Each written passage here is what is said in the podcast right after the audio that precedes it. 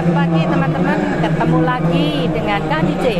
Kali ini Kak DJ ada di Festival Pelatihan Vokasi dan Job Fair Nasional.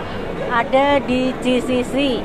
Nah, di sini ditampilkan 21 BPPP yang ada di Indonesia juga banyak stand-stand yang sedang mencari tenaga kerja yang kompeten yang cukup banyak ya Kak Didi lihat di sini dan uh, rame teman-teman. Makanya sorry sorry banget kalau uh, suaranya rada uh, apa uh, lalu lalang. Karena memang di situasi uh, pameran di hari ini pagi ini. Nah ini Kak Didi sambil jalan-jalan ya. Di sini ada BPVP Bandung Barat di mana Kak Didi lihat ada pelatihan tentang kultur jaringan.